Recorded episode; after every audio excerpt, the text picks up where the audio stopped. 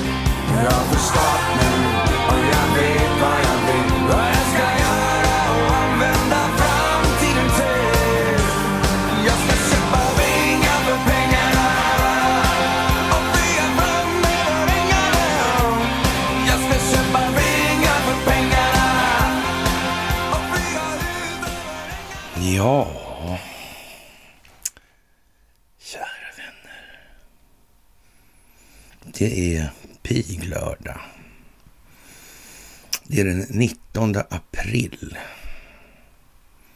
2023. Det är en fantastisk vecka. Det är fantastiskt väder. Vilket klimat det är. Ja, vädret har ju som många har hört blivit så mycket sämre så det centraliserades till Norrköping. Mm. Håller man på med vädermanipulation måste man ha kontakt med de här eh, väderlekstjänsterna då kanske. Jag vet inte så noga. Mm.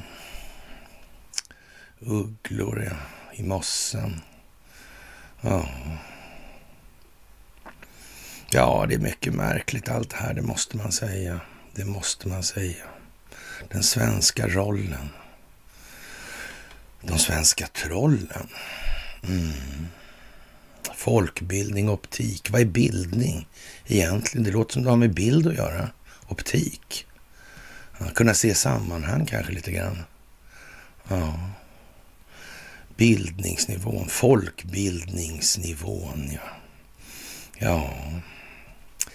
Kära ni så här på piglördagen. Det är dags för ett onsdagsmys. Ja. Händer det något eller? Det gör inte det. Nej. Nej, det är klart. Ja. Det är ju lite konstigt att allt det här händer nu tycker jag. Det är nog inte planerat. Det är inte koordinerat. Nej, förmodligen inte. Faktiskt. Ja. Ja. Ja, jag vet ju inte alltså. Märkligt är det i alla fall. Mm. Europa. Tyskland. Nere. För att USA ska vara inne hålla Ryssland ute. Ingen tanke. Nej. Inget härska genom sönder, inget konfliktskapande. Nej, inget modus operandi. Det vide, det impera som standardförfarande. Nej. Nej. Som sagt. Det är fantastiskt. Och ni ska ha det. ja. Bäst att sjunga upp sig nu alltså. Det allra, allra, allra största av tack för det ni gör i det här. Alltså det är fantastiskt alltså. Helt makalöst. Mm. Ni är en makalös manick. Mm. Det är ni. Mm. Det största av tack för gåvor på Swish och Patreon. Ett lika stort tack för att ni fördjupar er på karlnorberg.se och tack för att ni hakar på telegramtjänsterna. Mm. Striderna på flankerna mm. förs mm.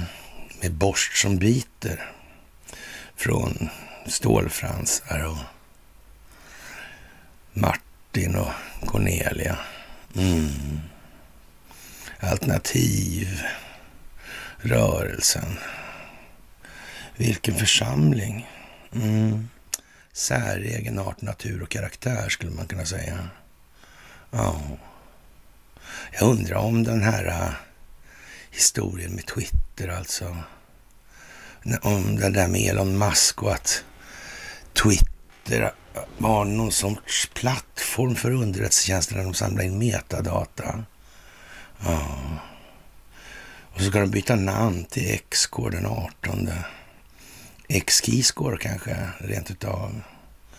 Swedish Kings of Cyberwar. De har nog ingen tillgång till det där tror jag inte. Nej.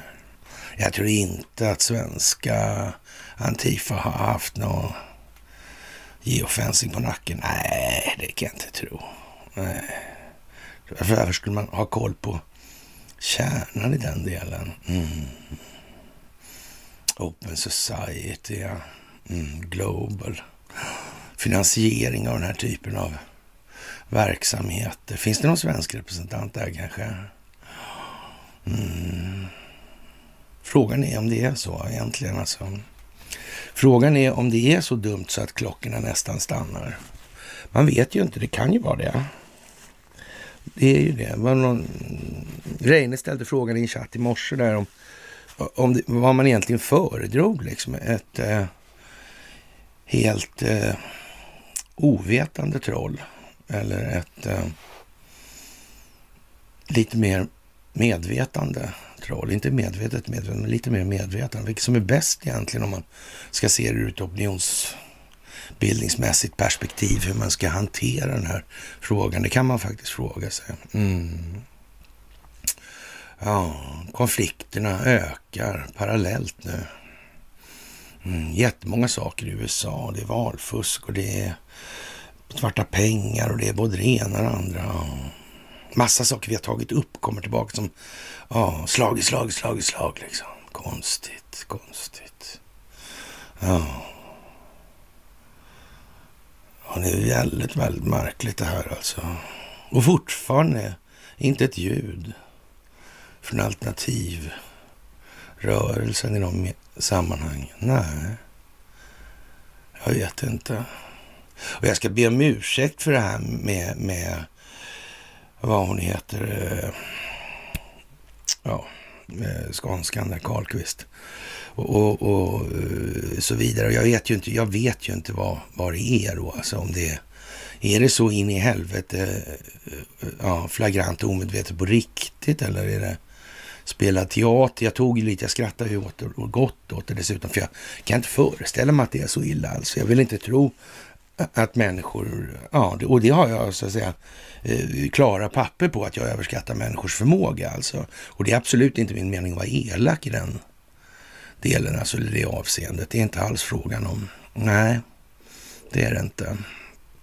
Men det är klart att det är lite tung, känns lite tungrot om det där skulle vara på allvar. Det, det, det får ju liksom, ja, då är det ju väldigt, väldigt sekt alltså. Det är det ju. Ja. Och Sydkoreas eh, ja, president, det är ju konstigt alltså. Jo, Jon Suk Yeol säger att om Ukraina blir ja, föremål för storskaliga attacker på civilbefolkningen, då kommer man så att säga eh, ja, skicka ammunition helt enkelt. Mm. Så någon fullskalighet tycks han inte vilja kännas vid alltså i det här. Det som står i tidningarna, svenska tidningar varje dag. Eh, det tycks inte han vilja kännas vid alltså. Men det här kommer just nu samtidigt som Nya Zeeland börjar lägga sig i det här också. Konstigt, de är ju jättelångt därifrån. Mm. Det är konstigt. Sydkorea-Nordkorea-konflikten var lite central för uppkomsten av det kalla kriget, va? Lite grann, ja. Mm. Det var ju det. Mm. Kan det ha med det här att göra? Ja, några hade ju i alla fall en större nytta av det kalla krigets uppkomsten av sin egen förbättrade affärsmoral. Ja, den amerikanska finansministern där. Ja, han tyckte väl att det där var så där helt enkelt. Han sa att eh, deras ord skulle man ta ganska lätt på. De skulle mera betraktas utifrån sina tidigare handlingar. Ja, ja så var det va. Konstigt där. Mm. Ja, han bara... Ja. Det är ju märkligt. Han kanske anar. Jag vet ju inte. Nej. Nej, det är svårt att veta. Ja, och Kanada där med Börje. Mm. Ja. Och Elon Musk. Mm. Och Eriks son i den här tecknade serien Simpsons, ja. Mm. Han vill ha världsherravälde, Eriksson, ja. ja. Det går skakigt för Börje, har jag hört, men jag vet ju inte. Ja. Financial Times säger att det, det är det står, börjar stå smått till i, i förråden med, med amerikanska missiler. Mm. Men det problemet är att det står smått till på alla andra håll också. Det är konstigt. Ja. Vad, vad ska vi göra då som Karl Gerhard föreslog? När, ja, om de skulle komma.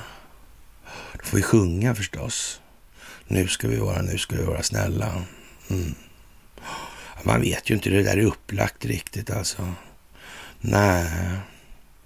Och, och sen i måndags eh, ja, ska terrorstämplade PKKs flaggor eh, vajat vid Stenpiren i Göteborg. Mm. Konstigt det där. Blir det populärt det? Och, och massor med sådana här streck på himlen ovanför. Ja. Och, och sen kan man nästan säga att Elon Musk delade något man, så, man såg i, som jorden i olika sekvenser. Så det var liksom avkemikaliserat. Mm. Ja, det verkar på något vis sitta ihop ändå. Ja, om man bara kunde räkna ut hur. Kan man det kanske rent utav? Man kanske kan det. Mm. Det kanske man kan, ja. Mm. Det kanske är menat att det ska vara så här precis som det är just nu. Precis som det är. Ja, det kanske har varit det under väldigt lång tid. Tror ni det? Alltså jag har det, ja, ja, ja, det, ja, det tror jag faktiskt också. Jag är rätt säker på det. Jag vet ju liksom att det har ju skrivits manus och grejer för saker som ska komma fram i hösten. Som inte med minsta tvivel har bäring på att det här har varit planerat i evigheter. Ja, det är konstigt ändå alltså. Ja, ändå ingen sagt något. Kan det ha med folkbildning att göra? Kan det vara ett folkbildningsprojekt rent utav? Ja, det kan vara det alltså. Det är snart ingen som kan missa det. Mm. Sen kan de alternativisarna, de får skräna bäst de vill på de alternativa alternativisarna. Ja. Det är bara så alltså. Stackars, stackars Sverige då, med PKK-flaggor i centrala Göteborg. Recep Tayyip Erdogan måste ju tycka att det är ju lite klent alltså. Med avseende på vad som har överenskommits. Eller? Lite är det nog det så. Ja. Och vi har ju pratat lite där om eh, Lena Philipssons gamla kryss. Där hållknäkten där. Och nu visar det sig att han är inte ensam i det här sammanhanget. Nu pågår en eh, rättslig process alltså. Och det tar SvD upp, Svenska Dagbladet alltså upp idag och spelade bort 4,7 miljoner, tog Betsson till rätten. Och, och, det här är ju lite speciellt. Alltså, vi har ju flaggat lite det där för med Pontus och Betsson och Malta och allt det här då. då. Mm, och penningtvätt och den biten. Mm. Ja, vad de där kan användas till. Mm. Ja, konstigt. Mm. Ja, jag vet inte om det var oväntat, men eh, ja, för många kanske det är det. Hur som helst alltså.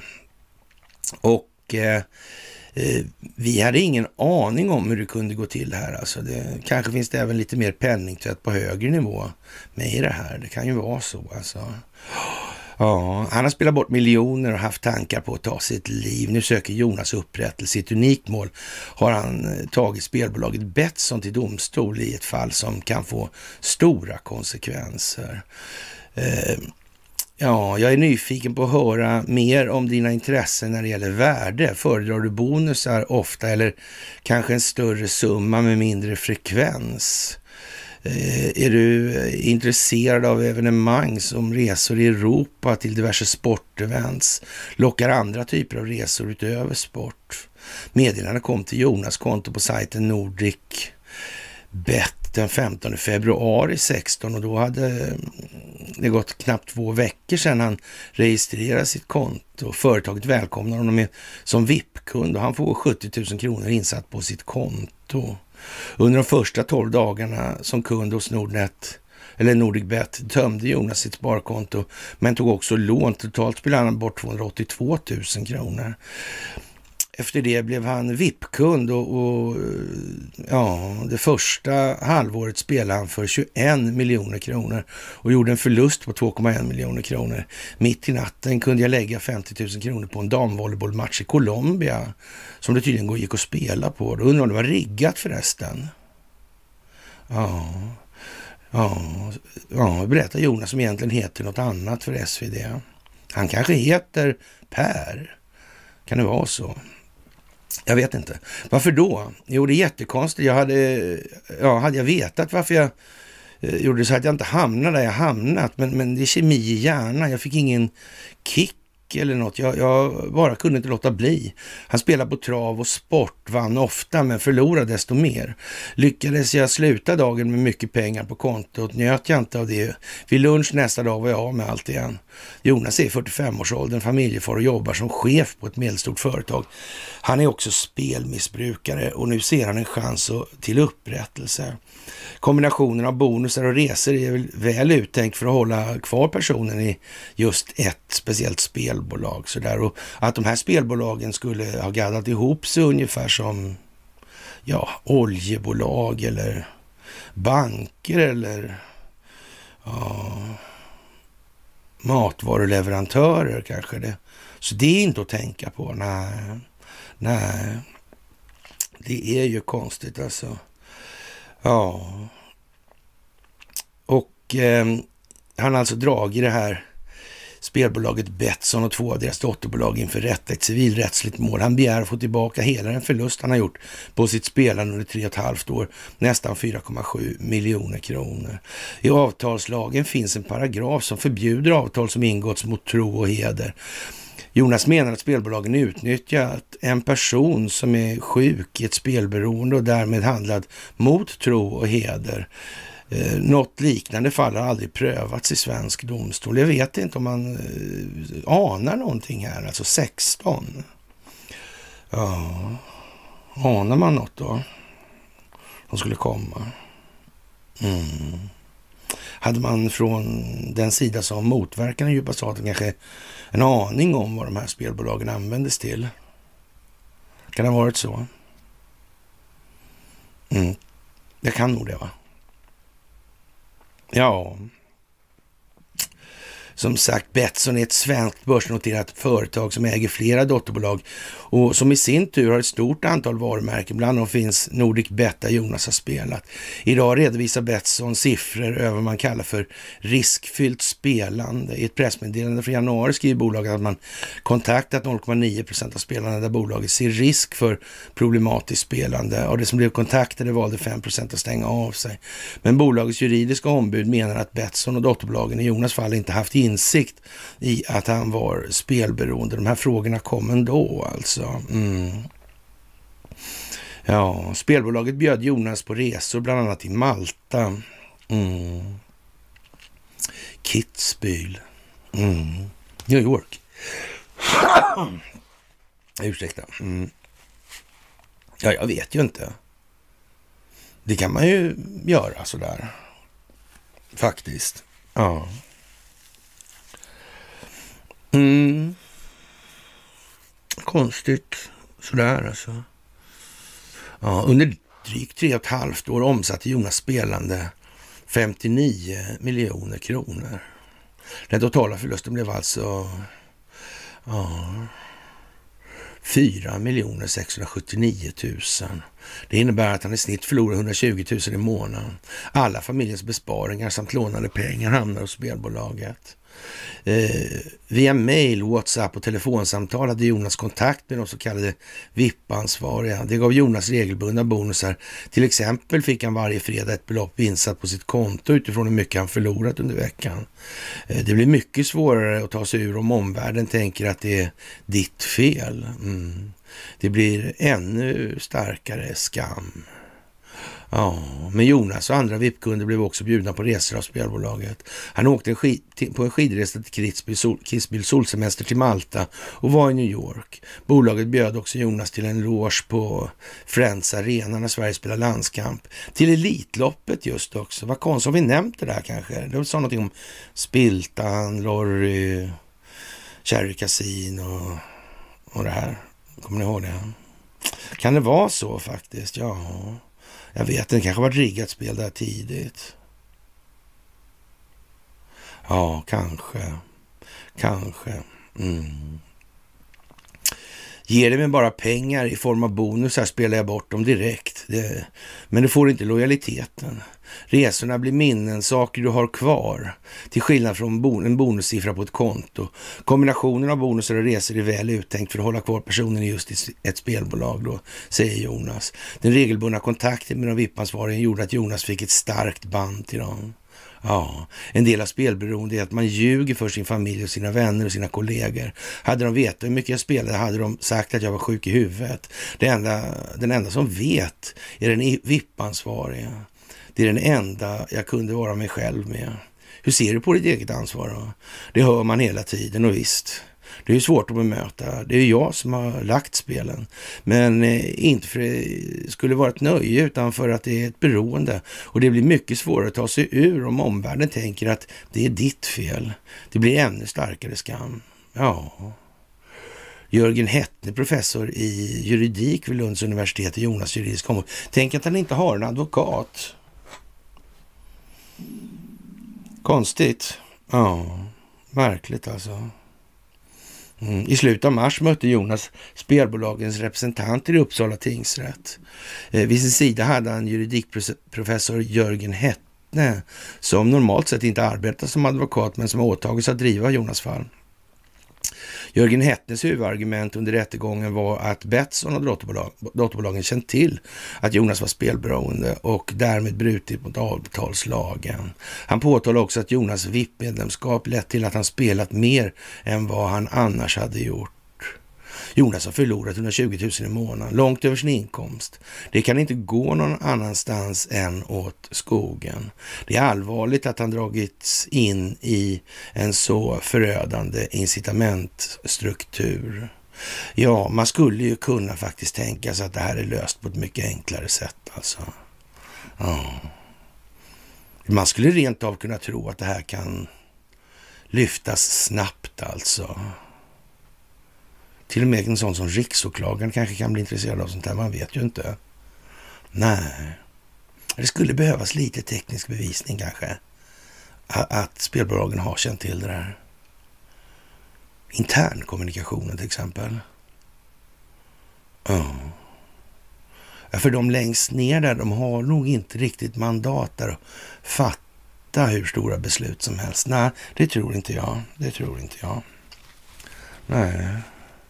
Jag vet inte. Skulle det kunna vara så alltså? Att om de här utgör en stor del av den djupa statens möjliga finansiering. Mm, och tvätta pengar till exempel då. Mm. Ja, jag vet ju inte det, men... Ja, alltså, Encrochattar och... Man vet ju inte. Mm. Ja, vi får väl se. Vad spännande alltså. Mm. Ja, herr Clareus har ju lite egna tankar om saker och ting ofta och han, ja, han tycker att det är då liksom, eh, var nöjd med det. Man får väl bädda som man ligga. Ja, ja, jag vet inte. Man vet ju inte. Det handlar om det svenska rättssystemet väldigt ofta tycker jag. Är det någon annan som tycker det kanske kommer fram, accentueras lite grann så här dag för dag? Mm. En slankan dit och en slankan hit och en slankan ner i diket. Ja, ja vi får väl se alltså. Ja. Målet mot Fox News, ja. Mm. Det hade inte hållit i Sverige, skriver Svenska Dagbladet. Mårten Schultz skriver det. Jag vet ju inte om han är planterad från början alltså.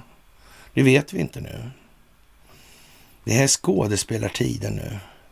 Det kommer att uppdagas vem som har gjort vad av vilken anledning.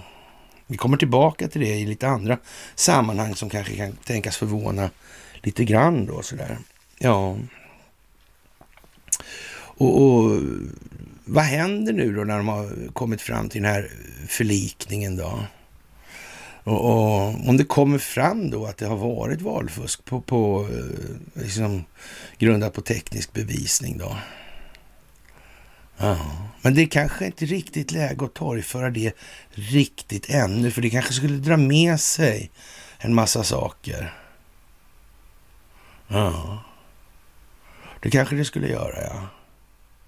Det kanske skulle börja städas på ställen där det inte riktigt behöver städas än alltså, eller ska städas än. Det kanske behöver exponeras lite mer fortfarande ändå. Ja, för att röja alla möjliga tvivel inom ramen för opinionsbildningen. Mm. Kan nog vara så faktiskt. Det kan ju vara någon som har tänkt till här alltså. Och i det här kan man väl säga då så här att man kan bortse lite från det här med Fox och Rupert Murdoch då, han där som hamnade i krig med Robert Maxwell en gång i tiden. Mm. Alltså Rupert Murdoch är liksom inte någon sån här superseriös lirare, men det här är till och med så dumt nu så att det blir alldeles uppenbart liksom att Fox viker sig här på något konstigt sätt. Mm. Ja, som sagt, hur var det där med Dacke Karlsson den förste. Var han liksom kommunist? Men kommunismen, var inte det en riggad historia hela skiten?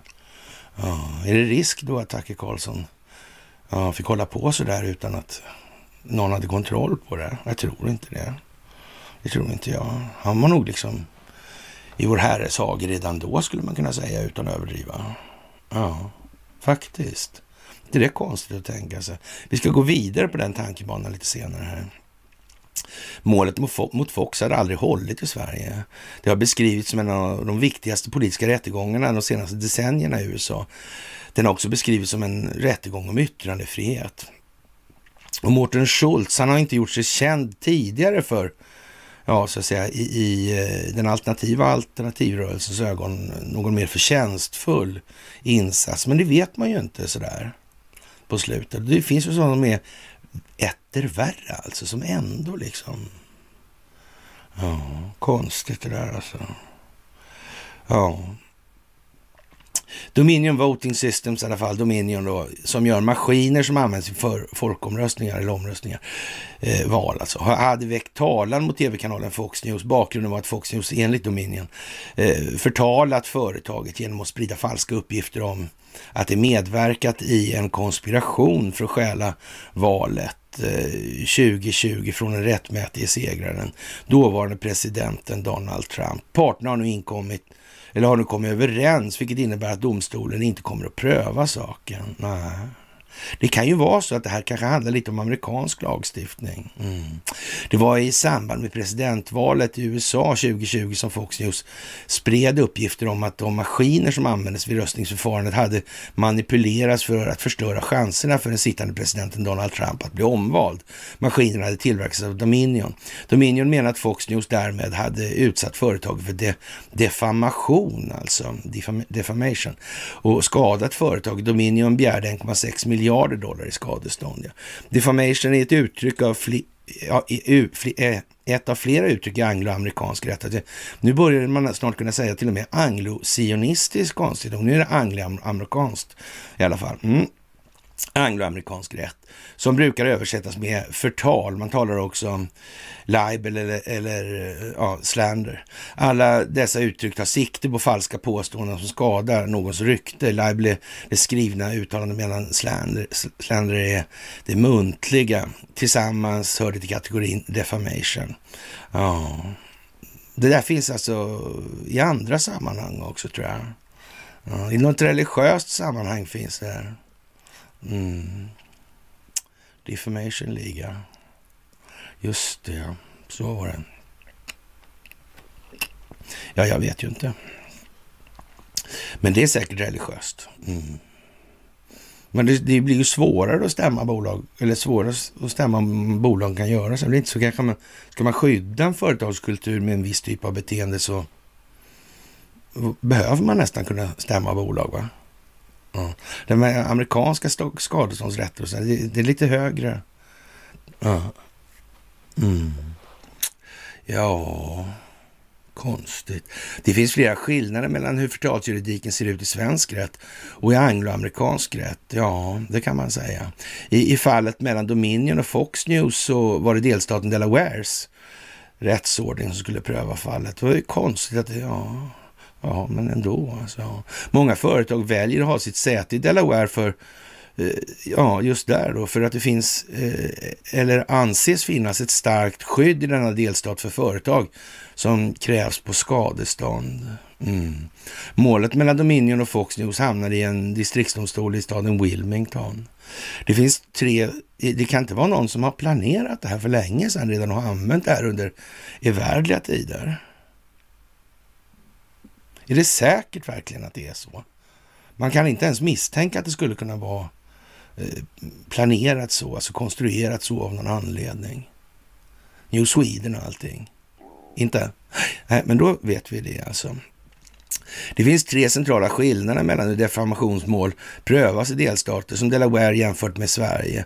Det första är att förtalsmålet i fallet med Dominion är ett rent tvistemål. Det är civilrätt, inte straffrätt. Det finns de flesta förtalsmål i Sverige prövas straffrättsligt.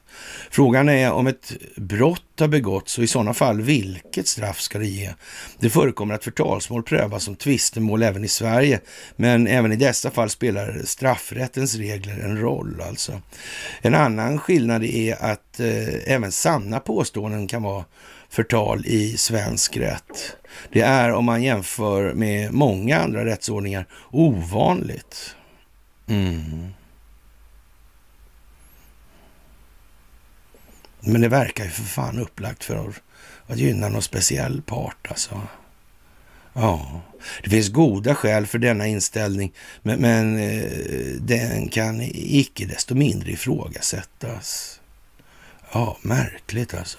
Den tredje och kanske viktigaste skillnaden mellan Delaware och andra angloamerikanska rättsordningar och svensk rätt i ett sånt här sammanhang är att eh, i Sverige så kan inte ett företag förtalas. Det är bara människor som har sån ära som kan kränkas.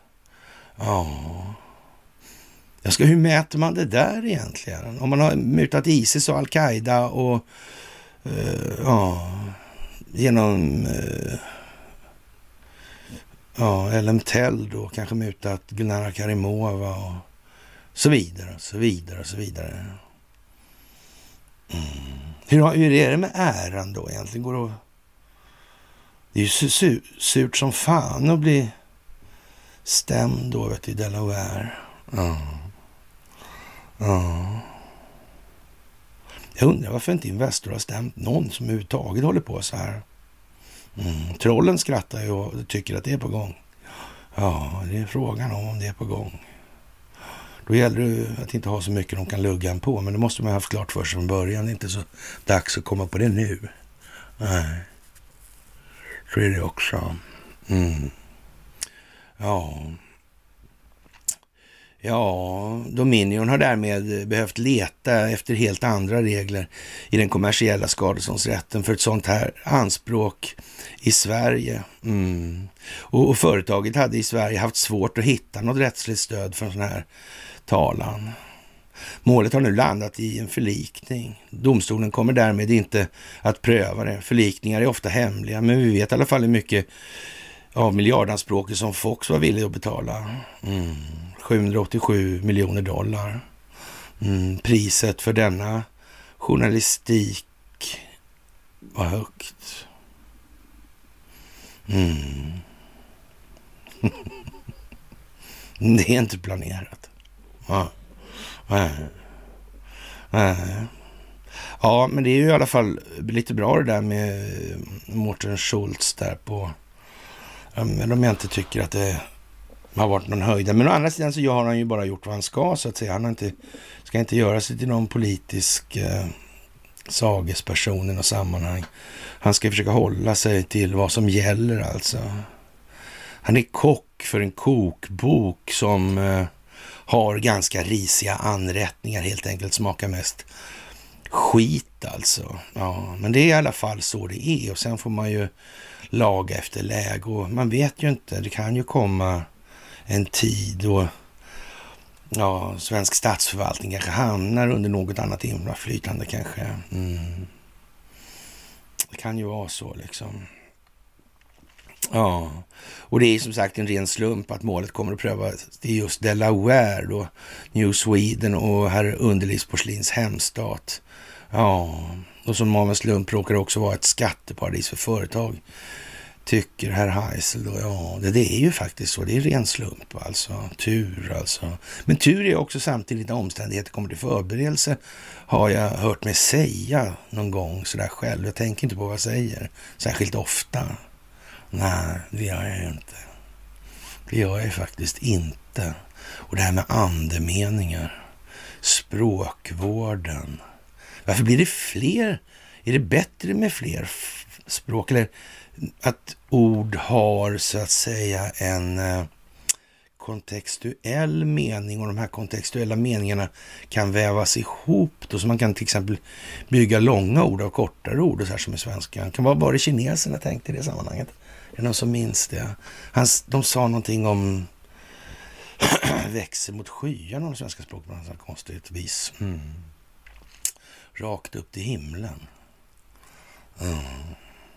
Men har ett sånt här ord som fredagsmys, va?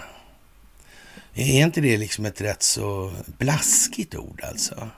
Nu ska väl eh, jag inte sticka under stol med att det innehåller en hel del sarkasm i det här fallet med mysen alltså. Ja, det gör det ju. Mysfittklubben alltså. Mm. Det blir lite dubbelt det här med Misfit då va? Ja, det är det visst ja. Så där så.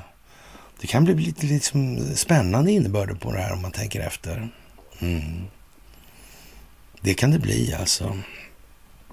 Ja, och Nya Zeeland, eh, ja, de kommer liksom stödja Ukraina nu, hej vad det går alltså.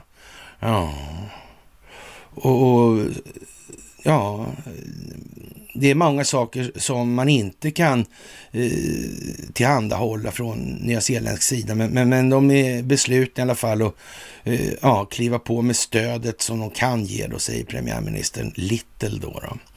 Ja, eller Little said kanske, jag vet inte. Ja, men det är lite udda det där alltså. Mm, det ligger ju där det ligger, det borde de ha insett. Va? Man kan titta på en kartbild tror jag.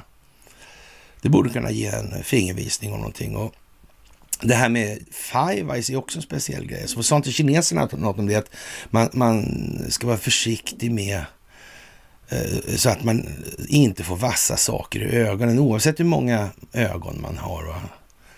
Mm faktiskt alltså. Och det, jag tror faktiskt eh, att Nya Zeeland känner till det här lite grann. Så det ligger ju lite så geografiskt till alltså. Ja. Och jag tror de känner till den geografiska belägenheten. Det, jag misstänker det i alla fall. Jag har inga garantier för det, men, men, men jag tror det. Ja. Och Nya Zeeland och Kina har ju ett långt förhållande som går långt tillbaka till 1840-talet. Ja. Den första kinesiska immigranten till Nya Zeeland tros ha varit Apo Hokton som anlände till Nelson 1842. Den första storskaliga ankomsten av kineser till Nya Zeeland inträffade på 1860-talet. Ursprung, ursprungligen för att jobba i guldgruvorna. Ja. Mm. Officiell kontakt började 1912 med handel, missionärer, immigration och andra länkar. Nya Zeeland och Kina etablerade formella diplomatiska förbindelser i december 1972. Och, och relationen har utvecklats snabbt sedan dess. Idag reser tiotusentals studenter och turister varje väg varje år. Möten mellan politiska ledare och statschefer äger rum regelbundet. Frihandelsavtalet mellan Nya Zeeland och Kina, FTA, som undertecknades 2008 gav stor impuls till handelsrelationen. Kina är nu Nya Zeelands största handelspartner för varor och näst största totalt, inklusive handel med tjänster. Ja. Och det här är de bara liksom villiga att sätta på spel alltså. För Ukrainas skull. Det kan vara så alltså. Jag vet inte det. Och det vet inte ni heller. Eller också så. Ja men, ja sådär. Speciellt alltså. Ja. Sedan 2007 har tvåvägshandeln ökat från 10 miljarder Nya Zeeland-dollar till 30 miljarder Nya Zeeland-dollar. dollar. Kina är en av världens snabbast växande ekonomier och dess stora befolkning och växande medelklass representerar en enorm potential. Kina är Nya Zeelands största handelspartner för varor och, och, och näst största totalt. Alltså. Mm. Ja, inklusive handel med tjänster alltså. Mm. Ja, det var Kinas första frihandelsavtal med ett utvecklat land. Ja. Ja, hur är det här egentligen? Det är undligt ju. Alltså, man skulle ju liksom kunna se järtecken någonstans eller i, i bland skyarna eller om man spår i kaffesumpen eller bland tebladen och sådana här grejer. Då skulle man kunna ana liksom att det, det här är något på lut alltså. Firevice dessutom, ja. Mm. Hur var det egentligen med Ericsson där och trudelutten och Kanada? Kanada var också ett sånt land va? Ja, där var ju Ericsson med på bilden. Ja, det var ju hela, ja just det. Hela bakgrunden var Ericsson. Och så stod Börje med på bilden också. För säkerhets skull. Ja, och Elon Musk han tyckte, ja, Eriksson, liksom. Eriksson där. Mm. Simpson liksom. Mm. Det där var ju konstigt. Är det någon som försöker säga något här? Nej, jag vet inte. Det kan det väl ändå inte vara. Då skulle ju alternativrörelsen ha sagt någonting om det. Att våra svenska mainstream-medier skulle ha sagt något. Nej, de får ta andra vägen liksom. Mm, de får spela andra stämma på något vis och belysa sin egen så att säga, moraliska och karaktärsmässiga otillräcklighet tydligt nog för den allmänna befolkningens medvetna medvetenhet. Ja, den optiken måste komma den vägen samtidigt. Ja. Men man kan ju förundras över att inte några i alternativrörelsen faktiskt gaskar upp sig. Mm. Ja, lite tendenser har det börjat dyka upp faktiskt. Det har det. Mm. Ja. Och i den här enfaldsbaserade varmluftens förlovade land så är inte konspiration eh, planering i nyttomaximeringssyfte överhuvudtaget. Alltså. I Sverige är konspiration någonting som inte ens existerar. Det är en beteckning på någonting som inte finns och eh, som bara idioter tror finns. Och det är inte alls ett begrepp skapat eller lanserat av ja, eh, amerikanska underrättelsetjänsten CIA då för, för 67 och, och hantera de här historien bakom eh, ja, Kennedy-mordet där. Konstigt där. Grisbukten 61 också. Ja. Dall-familjen mm. i Warren-kommissionen ja, som hade kvalitetsansvaret för utredningen. Mm. Men nej, det sitter inte ihop. Nej. nej. Ja, konstigt det där. John Foster försvarade ju ändå familjen Wallenberg i Washingtonförhandlingarna. Mm. Boschaffären. Men det fan sitter inte ihop alltså. Glöm det, glöm det, glöm det. Ja. Mm. Ja, i det här landet är därför skulder, tillgångar och sjukvård och gör oss sjuka och utbildning gör oss dumma och rättvisa är förtryck. Så att människor inte själva ska begripa någonting alls egentligen. Som de inte har blivit matade med i alla fall och för att ta ställning till. Det är helt enkelt inte aktuellt. Den intellektuella lättjan är givetvis därför också den absolut största faran för befolkningen och den största tillgången alltså för den djupa staten. Ja. ja. Men vi tror att våra politiker, de vill oss bara väl och de säger ju det alltså. Ja. Och de vill ju bara upplysta medvetna medborgare. Mm. Men de skulle väl ha sagt, någon skulle ha sagt någonting. Det verkar inte så alltså. Ja. Och det här är ju liksom på väg nu och ja, söderut med god hastighet skulle man kunna säga. Och de här politiska panelhönsens varmluftsproduktiva insatser når nu nya anmärkningsvärda höjder. Och en vagel i ögat är inte något roligt att, att få. Ja, och som vore det just av en slump så är det faktiskt Vagel även namnen på den pinne i hönshuset där hönor sitter i Rosenbad, där alltså panelhönsen både vistas och kackar i eget bo, samtidigt som de med oförblommad energi förblindar det svenska folket. Inget folk har någonsin varit så villig att bli så grundlurade så länge. Kackan ett eget parti varvat med polariserande kackel. Ja, skapar de politiska ägg som består av att förtala. Eh, det ger silver, men förtiga, det ger guld helt enkelt. Den enda gången man därför kan vara säker på att de politiska panelhönsen verkligen försöker tala sanning innan de håller näbben stängd och det börjar lukta illa i lokalen helt enkelt. Med viss självpåtagen rätt så lägger sig därför alla hönshusets lägger sig därför hönshusets herre inte bara sedan tupp Kuppen, Freddys tider då, alltså som, han är ju slitsängs där alltså. Ja. Vinn om att eh, från tid till annan gala från den dyngstack som andra genom idogt skitande skapat. Detta för att inte stanken från det politiska rummet ska få så oönskade väckande konsekvenser att det skapas kalabalik i hönshuset. Bordellen då. Mm. Rosenbad. Ja, som gör att människor istället försöker få bort vagler i ögat eftersom de ser att den sitter fästad på en bjälke. Mm.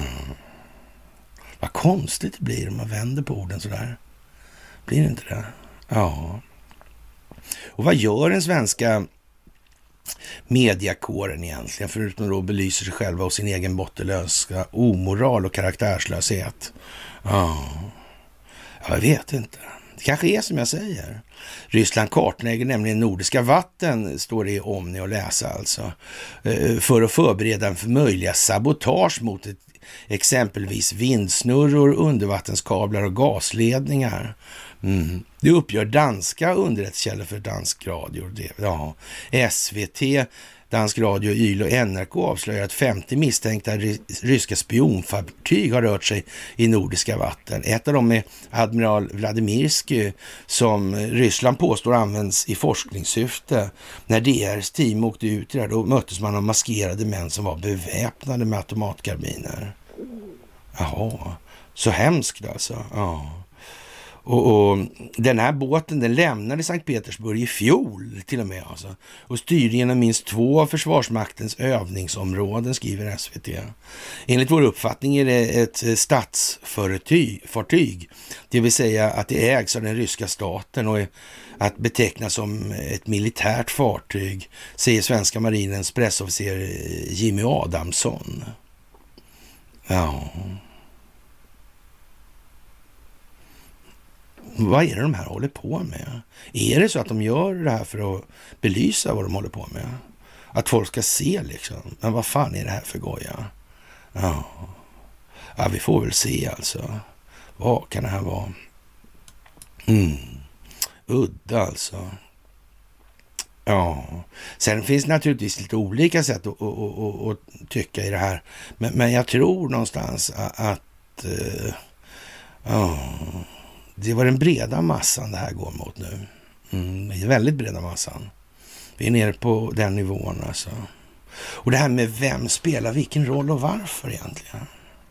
Mm, visste han Peter Strock där? Han, chefen för kontraspionaget inom FBI. Så han visade sig jobba för CIA också, det var ju konstigt. Ja, det verkar väldigt märkligt. Och han med den där donnan också, Lisa Page där. Lovebird säger Donald Trump. Ja. Han har så ett trevligt utseende. Artikulerar på ett tilltalande sätt liksom. Mm. Han är inte så pushig. Nej. Mm. Han verkar vara diskret och underrättelsetjänsttyp alltså. Inte så mycket känsloanslag i det där ja, jag vet inte.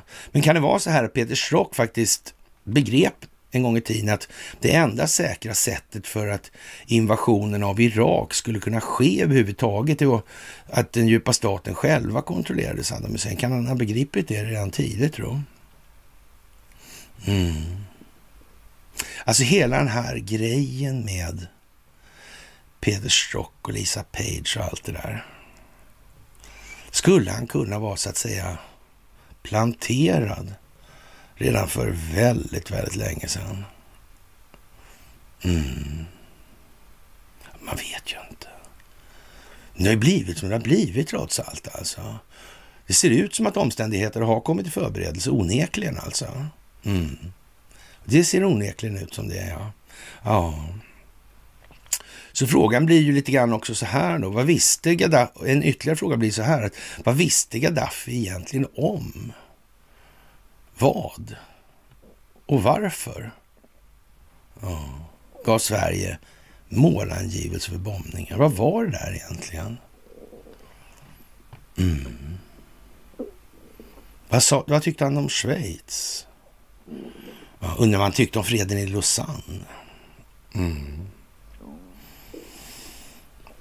Ja, det vet man ju inte riktigt alltså. Nej. En annan grej som man kanske ska tänka lite på och, och, som man ja, kanske inte tänker på först, men man bör faktiskt försöka tänka på det. Det här att eh, vi pratar ju ofta om de här krigets tre, det moderna krigets tre beståndsdelar. Och den här kinetiska delen, det är ju vad vi läser om i tidningarna där. Mm. Men det är ju så att säga informationshanteringsdelen i det här. Mm. Så ja. Mm. Och sen har vi det där med ekonomin också. Då. Men så har vi just den här informationshanteringsdelen. Det måste inte, om det nu är 80 procent av det moderna kriget, skulle inte det vara liksom...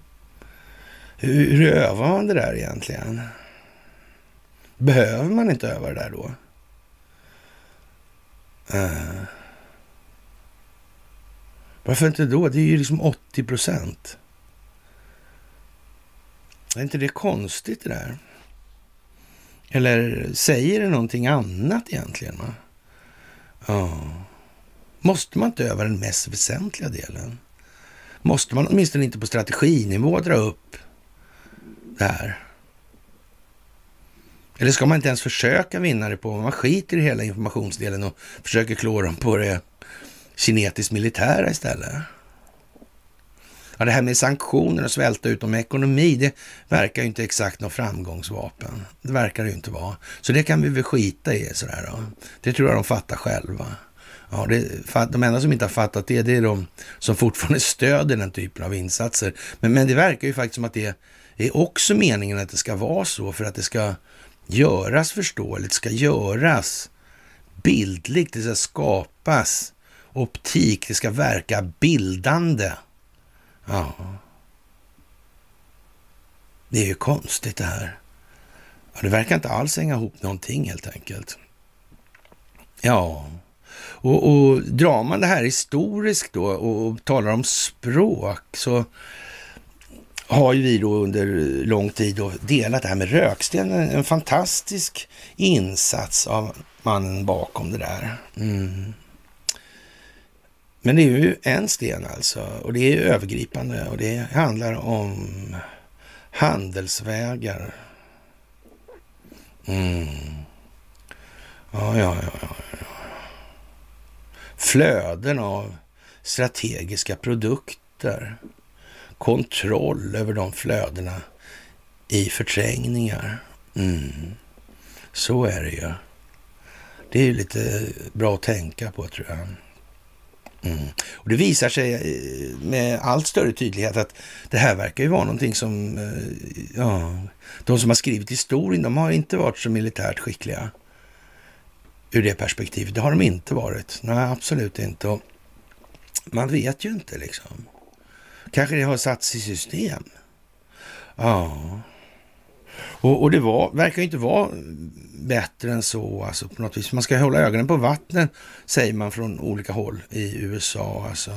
Och, och nu har någon dragit proppen ur Siljan. Ja. ja, Martin poängterade med det för mig igår då. Och, och vi hade en diskussion kring det här. Ja. Det är ju konstigt alltså. Kanske det här, de här berättelserna om Mora stenar i Uppsala. Vadå, varför Mora stenar för? Ja. Och Vasalopp där och ja. bygdebönderna jagar honom genom skogen och så vidare. Mm, men det är inte från Uppsala väl? Mm. Det var väl Mora i... Finns det någon sjö? Där finns ju Siljan ja. ja. Det finns en mycket seglivad myt också om att det inte skulle rest några runstenar i Dalarna under vikingatiden. Och det är inte så många år sedan som den uppgiften även fanns på Riksantikvarieämbetets hemsida. Vad konstigt. Undrar när den togs bort och varför faktiskt. Detta är säkert ett skäl till att man har misstrott runstensfragment från Norrhässe. Flera teorier om dess ursprung har framförts, till och med att det skulle tillverkas på 1800-talet har man dragit till med. Då. Det finns dock ingenting som tyder på att det rör sig om något annat än ett stycke vikingatida runsten. Varför kommer man med en sån idé då, tro? Fragmentet påträffades i april 47 när montaren Erik Johansson skulle åtgärda en ledningsstolpe som hade blåst kull i samband med en ovädersnatt. Johansson upptäckte då att en av kilstenarna såg märklig ut och att den bar egendomliga tecken. Han tog därför hand om stenen och, och den hamnade så småningom på Dalarnas museum. I samband med fyndet framkom ytterligare uppgifter om runstenen Kilstenarna som hade använts när ledningen drogs 1919 påstods komma från en byggnad vid Strömsgården i Norrhässe som då hade rivits. Under denna skulle man ha påträffat en meterstor häll med slingor och tecken liggande i en stensamling under huset. Stenen ska ha blivit sönderslagen och använt vid gjutningen av en vatten i lagorn. En bit blev över då och kördes eh, senare bort för att användas som kilsten vid en ledningsstolpe där den senare iakttogs. Alltså. Mm. Hur är det med det här? Tror kan det någon vilja ha eh, förstört dem där egentligen? Om de nu var så att säga tidsmonument beskrivande utvecklingen i samtiden. Ja, det har man då sannerligen ingen nytta av om man har ägna sig åt historieförfalskning. Det tror inte jag. Nej, faktiskt alltså. Ja, runstensfragmentet på Norrhässe är ristat på två sidor. På den ena finns en runslinga med runorna Orum och med den andra upptas av skickligt huggen slingornamentik. Alltså, ja, konstigt alltså. Ja, och stenen vad den består av, ja. Väldigt, väldigt märkligt. Och orden där. Mm. Mora kanske har någonting med saken att göra. Ja. Mora i Gustavssocken, ja. Mm. Ja, det där är ju lite... Mm. Morom. Mm. Jag undrar hur det är här egentligen. Är det någon som har varit och fifflat med historien på det där lömska viset? Varför ska det döljas för? Mm. Ja, jag vet ju inte det alltså. Ja. Det är, ja. Det där är nog lite på G helt enkelt. Ja. Mm. Ja. Jag tror att eh, Rickard Dybeck till exempel, mm. han visste nog mer än man talade om. Ja. Det finns lite att ta på nu, skulle man väl kunna säga. Va? Och det, det, här är ju liksom eh, ofrånkomligt alltså. Helt ofrånkomligt är det. Mm. Och frågan är om inte pusslet redan är lagt med hjälp av AI faktiskt. Mm. Som sagt, det är spännande tider och nu är vattnet väldigt lågt i Siljan. Mm. Ja, och det är lågt vatten varje år till de öppnar kranen i Trängslet. Mm. Jag har varit med där i Älvdalens hembygdsförening faktiskt en gång i tiden. Mm. Vi bodde mycket där. I närheten av skjutfältet där. Ja. Älvdalen, ja. ja. Tänk om folk bara begrep hur de här jävla kraftverken fungerar egentligen. Mm. Konstigt. Falltundar och allting. Ja, det är ju lite udda får man väl säga. Och eh, ja, det är ju lite rörigt det här. Oppositionspolitiken och journalisten Vladimir Kara-Murza dömdes igår till 25 års fängelse. Ambassadörerna från Kanada, USA och Storbritannien kom till hans hov. Därför bjöds de in till ett samtal eftersom det är ett grovt ingrepp i ett lands inre politik. Alltså, den ryska ambassadören i London bjöds också in till det brittiska utrikeskontoret för en intervju. Det förefaller oss som att en sån reaktion tyder på att allt är rättvist med domen. Du kan inte tvivla på det alls. Om ambassadörerna från Kanada, och Storbritannien och Förenta Staterna dyker upp någonstans, då är helt klart något skumt på gång. Alltså. Eller som Stalin, Stalin sa, om dina fiender skäller ut dig, då gör du allt rätt. Mm. Det ingår väl liksom lite grann i spelet där, tror jag. Eller gör inte det? Ja, jag tror det faktiskt. Mm. Ja. Och, och, ja, han är, den här killen är alltså en senior eh, partner alltså vid Raoul Wallenberg Center för eh, mänskliga rättigheter. Ja. Ja, jag vet, betyder det någonting eller? De här mänskliga rättigheterna. ja,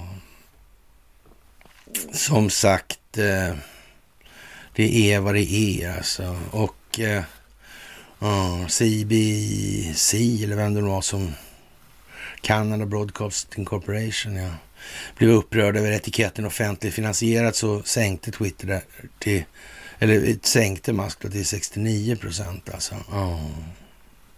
Men vem är det som ligger bakom det där? Är inte det om det är brittiska kronan? Har de helt fått bort allt anglosaxiskt inflytande? Jag vet inte om det är så faktiskt. Men ehm, mm, oklart på något vis alltså. Ja. Ja. EQT nära miljardaffär med kinesiska treägaren. Ja. Det greps ju ett par stycken där. Kineser där. De har väl kopplingar till eh, kinesiska telekombolag va? Mm. Hur har det gått med det där Panda Electronics förresten? Har det gått bra? Hur går det för borgmästarens råd i Shanghai egentligen? Ja, jag vet ju inte det alltså. Riskkapitalbolaget EQT ska enligt Bloomberg vara nära en affär med kinesiska Hutchinson Holdings Limited om infrastrukturtillgångar i det italienska telekombolaget Windtree. Mm.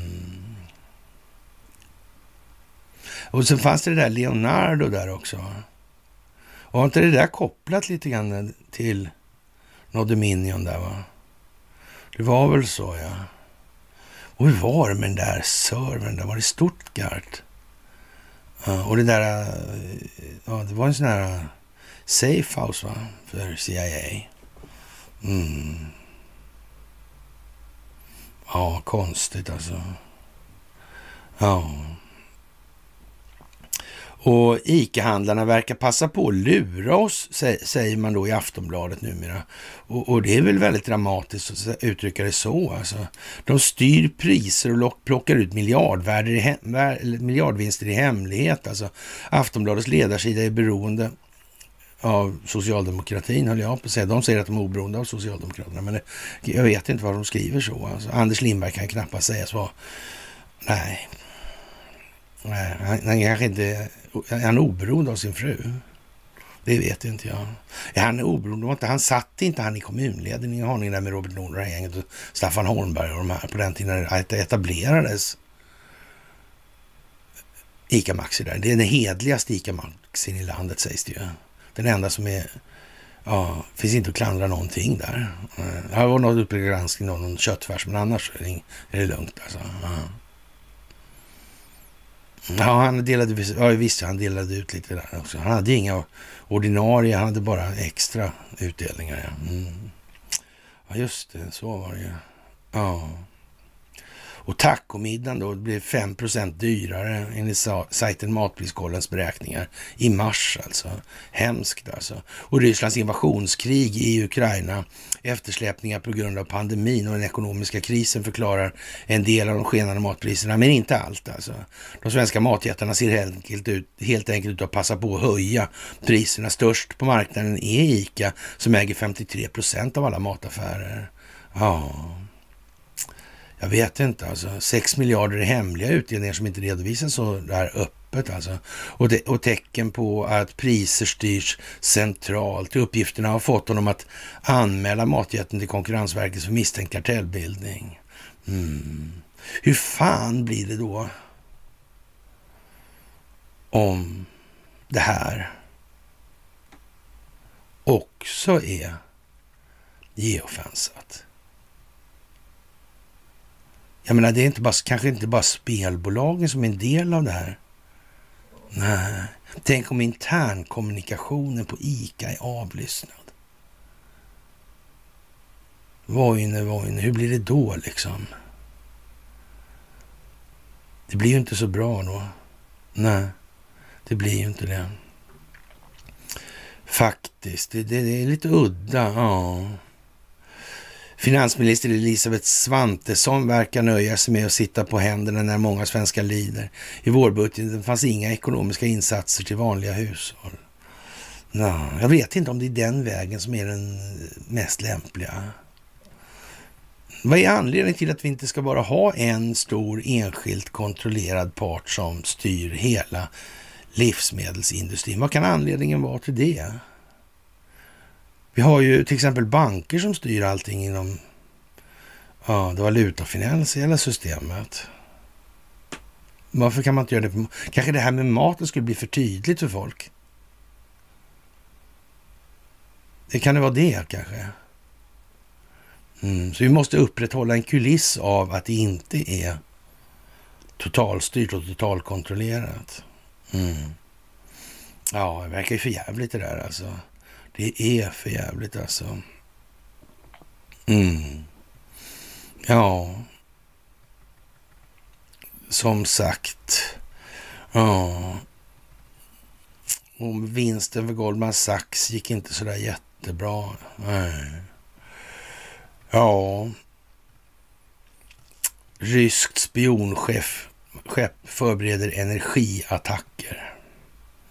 Ja, mediernas roll är ju vad den är. Det är bara att konstatera det. Det är bara att konstatera det. Alltså. Ja. Och det är så att säga tre filmer som spelas samtidigt just nu i USA. Ja. Och, och, på Virgin Islands där så är man på jakt efter alla som har deltagit i Epsteins skandaler. Ja. Mm, pedofili och transgender och dörrar har slagit fast att FBI använde en fake dossier då alltså för att få ut ett FISA-berättigande eller få till ett då. Ja, så att man falskeligen skulle komma åt Trump. Hillary Clinton var den som betalade för FBI's arbete. Mm. Och ja, Perkins kojor där och mm. Ja,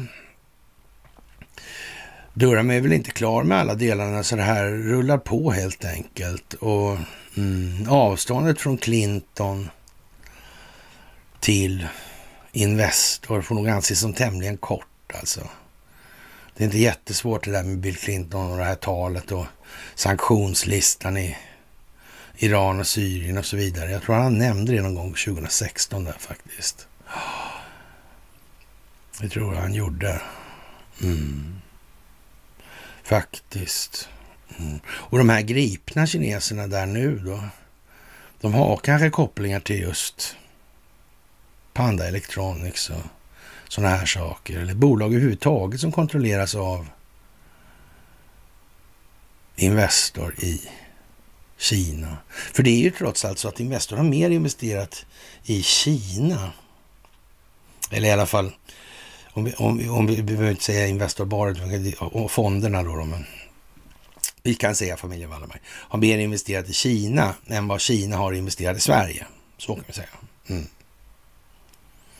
Ett fåtal svenskar som på ett brutalt vis lägger sig i Kinas inre angelägenheter, tror jag de sa från kinesiska statsledningen, statsledningen vid något tillfälle. Jag kan ha fel, men ja, sådär alltså. Ja. Och, och, ja, den här FISA-historien alltså. Mm. Det, det, där är ju lite speciellt får man nog säga. Mm. Så använder man pandemin då för att manipulera presidentvalet och bli av med Donald Trump. Det var ju det här med poströster och såna här grejer. Man fick inte gå ut och rösta då. Eh, man måste rösta på distans, ja. Mm. Ja, vad konstigt alltså. Mm.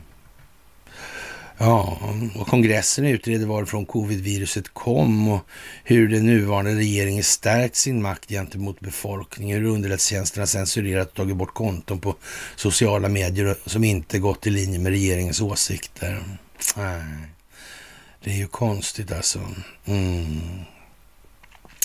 Och de här eh, grejerna händer samtidigt och det är klart att det blir dålig stämning på sina håll. Och de här olagligheterna som kongressen nu finner eh, kan de presentera för militären då så, så att säga.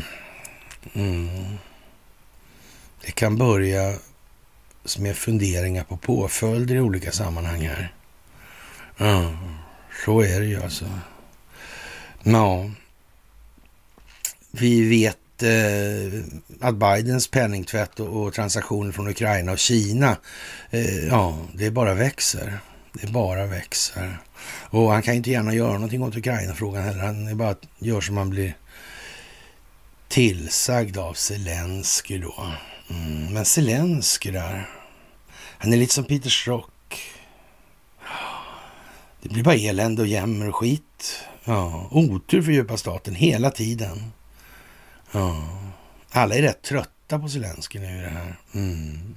Och efter det här så kan man väl säga att, eh, ja, beror lite på hur man ser det, men nog skulle han kunna tänkas vara, ja, beroende på lite vad han har ställt till med egentligen i verkligheten alltså. Mm.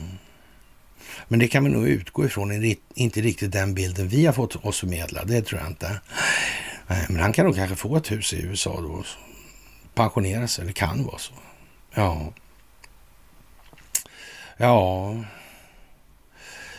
Som sagt, och nu säger man sig från kongressens sida har fått in så mycket fakta kring familjen Bidens penningtransaktioner att det visar sig att minst nio personer i familjen varit inblandade i penningtvättshärvor alltså. Och mer är på väg in alltså.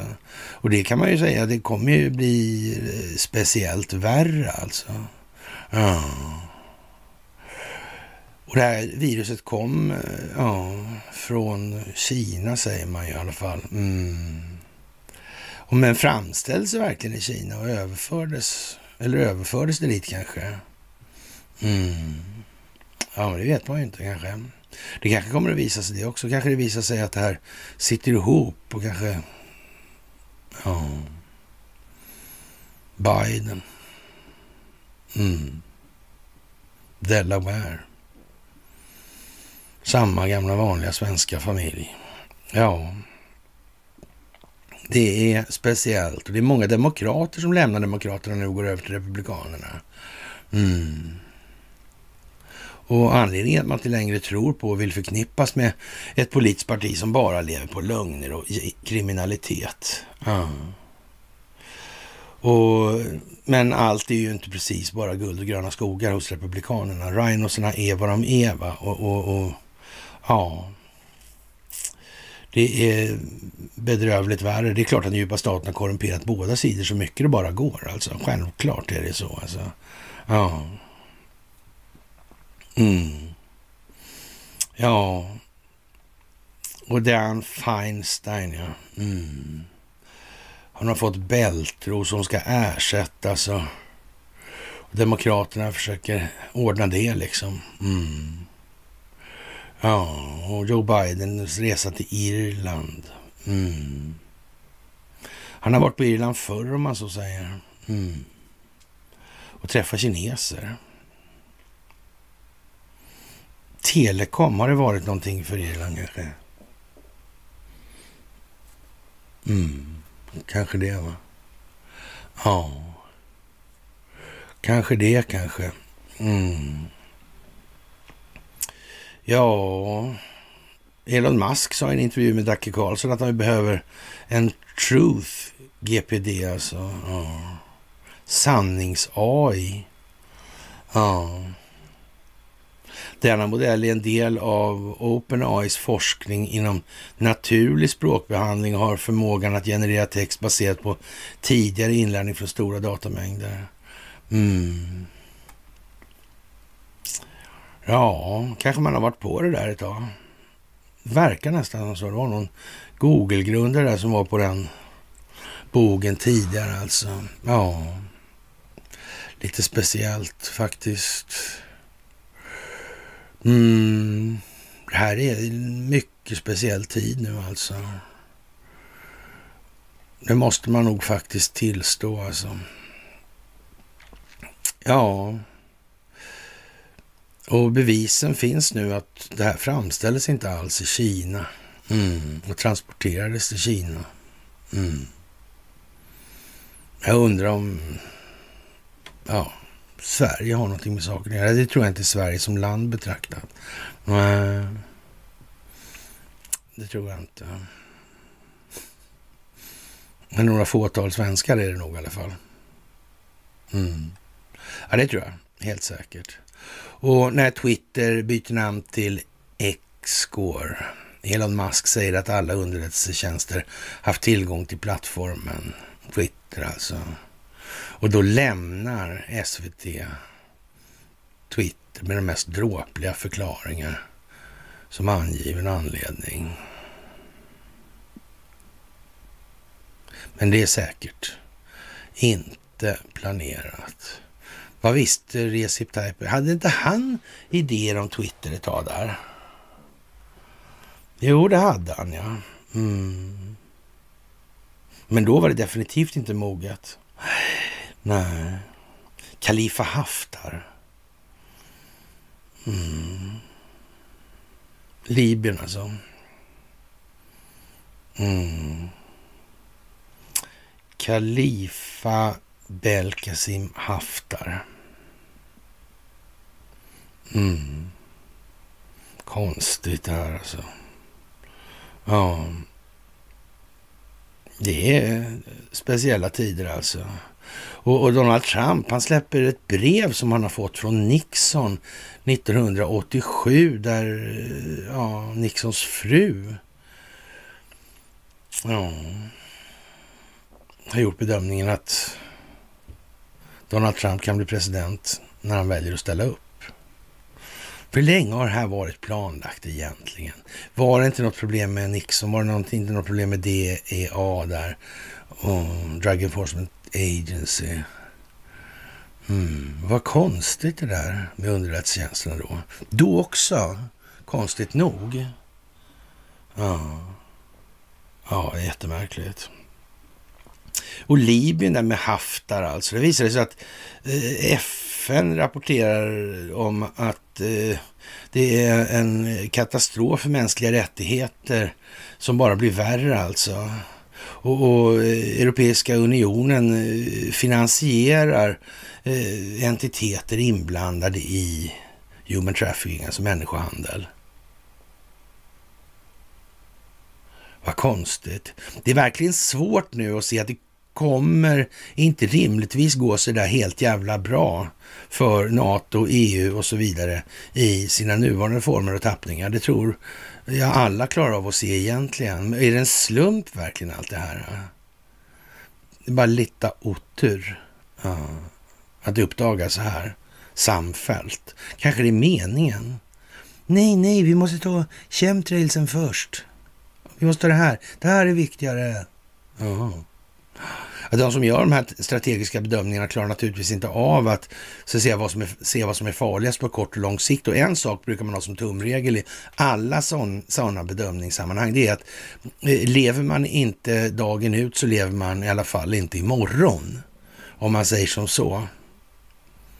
Mm. Sett i farlighetsgraden alltså. Jag vet inte, det där är liksom lite märkligt. Man måste få prata om vad man vill. Ja, det måste man få. Mm. Och, man får också bära konsekvenserna av att man väljer så. Det är liksom ingen diskussion om den saken. Nej. Om vi tar det moderna krigets beståndsdelar och tittar på dem så fine liksom. Då tror jag man får ihop den här ekvationen. Men jag vet inte, det verkar inte så intressant för alla parter alltså. Ja, konstigt, konstigt, konstigt alltså. Ja. Som sagt, original-Tacke Karlsson från Gotland var nog lika kommunistisk som häradshövdingen var fri från kopplingar till Tulsällskapet. Ja. Det här med förlikningen där alltså. När var någon i säck innan det kom i påse? Mm. Ja, det är klart att det behövs härska genom söndring och då måste det finnas en söndring någonstans också. Får man, har man ingen uppenbar fiende så får man bygga en helt enkelt. Är det, liksom, är det så jävla svårt alltså? Man måste skapa problemet alltså. Och sen komma med lösningen som man vill att ska gå i riktning för. Ja, det är märkligt att det ska vara så svårt. Då. EUs humanitära chef i Sudan har blivit skjuten och, och, det ser väl närmast ut som ett uttryck för sura druvor alltså. Mm. Sour grapes, var det inte surt om rönnbären sa räven? Alltså, nej, det gills inte. Speciellt alltså. Speciellt är det här faktiskt. Mm. Udda helt enkelt. Och eh, ja, som sagt, eh, Ryssland ska etablera en marinbas i Sudan för åtminstone 25 år. Och, och det kan man ju säga är, är förmodligen inte lika positivt överallt. Eh, och han turkiska utrikesministern sa ju där att alla Afrikas stater hatar USA. Mm. För de ser USA som den verkställande handen, men de har inte garanterat inte fattat det här med Ericsson och de är till och med kvar Ericsson själva. Och, och, ja, Det är nog lite mycket begärt att tro liksom att det ska gå så lätt att bli av med det där. Men, men, det är som det är alltså. Man kan väl säga så här att eh, kanske amerikanska militära tribunaler nu då, som börjar visa sig då i andra sammanhang då Ja, börjar dyka upp där. Kanske man, någon, några kanske gör översättningen, alltså drar analogin helt enkelt. Att eh, de här tribunalerna, de krä, för, den möjliga förekomsten av de här tribunalerna, de, det kräver vissa informationsbegränsningsinsatser. Alltså. Det tycker nog några faktiskt. Och att den här eh, människan dog nu, det... Ja, Clinton Foundation och folkrättsbrott förefaller vara en rätt hyfsad misslyckad kombination. Alltså det vill säga stor bidragsgivare till Clinton Foundation som inte är särskilt svår att hitta i de här sammanhangen. Alltså när det gäller att, finansiera falska grejer för att komma åt Donald Trump. Mm. Och det finns ju de som har större bidragsgivare än andra. Mm. Som just gick fria från det här med folkrätt. Det gick inte att åtala här för det alltså. Nej. Men det verkar ju på något vis som att det internationella juridiska systemet är konstruerat på så vis alltså att eh, man ska kunna flytta ansvaret till den spelplan där det gynnar en själv bäst. Det tycks vara liksom så att det här har utvecklats genom att ha ett globalt perspektiv i den meningen för att skapa rättsordningar alltså som man kan ha till skydd för att dölja sina egna moraliskt karaktär, karaktärsmässigt tvivelaktiga handlingar. Jag vet inte, kan det vara så alltså? Ja. Ja, det kan nog vara det. Alltså, jag säger inte att det är omöjligt i alla fall. Det tror inte jag. Nej, det tror jag inte på. Nej, faktiskt inte. Mm. Tänk vad det är mycket som är konstigt nu alltså. Det är väldigt, väldigt mycket konstigt. Ja. Och som sagt, när, ja. Michael Ray Curry där, han eh, delade från Elon Musk och det här att ingen kan stoppa vad som kommer. Och det verkar som det ligger en brun sörja över planeten. Den försvinner i fyra sekvenser där. Mm. Ja, konstigt. Ja, och det här med äktheten i klipp ifrågasätter lite misstänkt det här med om Vladimir Putin hade en dubbelgångare där eller inte. Ja, varför besköts han inte till att börja då? Men det kan man ju ställa sig frågan. Vad skulle det i så fall ha givit uttryck för? Om han hade beskjutits? Det, det är liksom inte så lätt att veta. Ja, konstigt det där alltså. Ja. Och Säpo som har fått en lista på misstänkta terrorister alltså. Ja. Från SVT dessutom. Ja, jag vet inte. Det går inte att utesluta. Ja.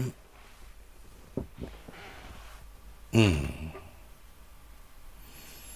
Det måste bli väldigt, väldigt tydligt uppenbarligen. Så vi, ja. Och, och det måste få ta sin tid. Och, och, ja. Nu kan det nog tänkas bli lite frustrerande samtidigt alltså. Mm. Men man får tänka på att hålla god ton och det var som sagt inget illa ment på det viset alltså. Gällande då, ja, Karl Skanskan där. Jag trodde, jag kunde för mitt liv föreställa mig att man kunde Eh, ja, se saken på det sättet helt enkelt. Det kan man säga. Men, och det var möjligen, möjligen obetänksamt av mig då.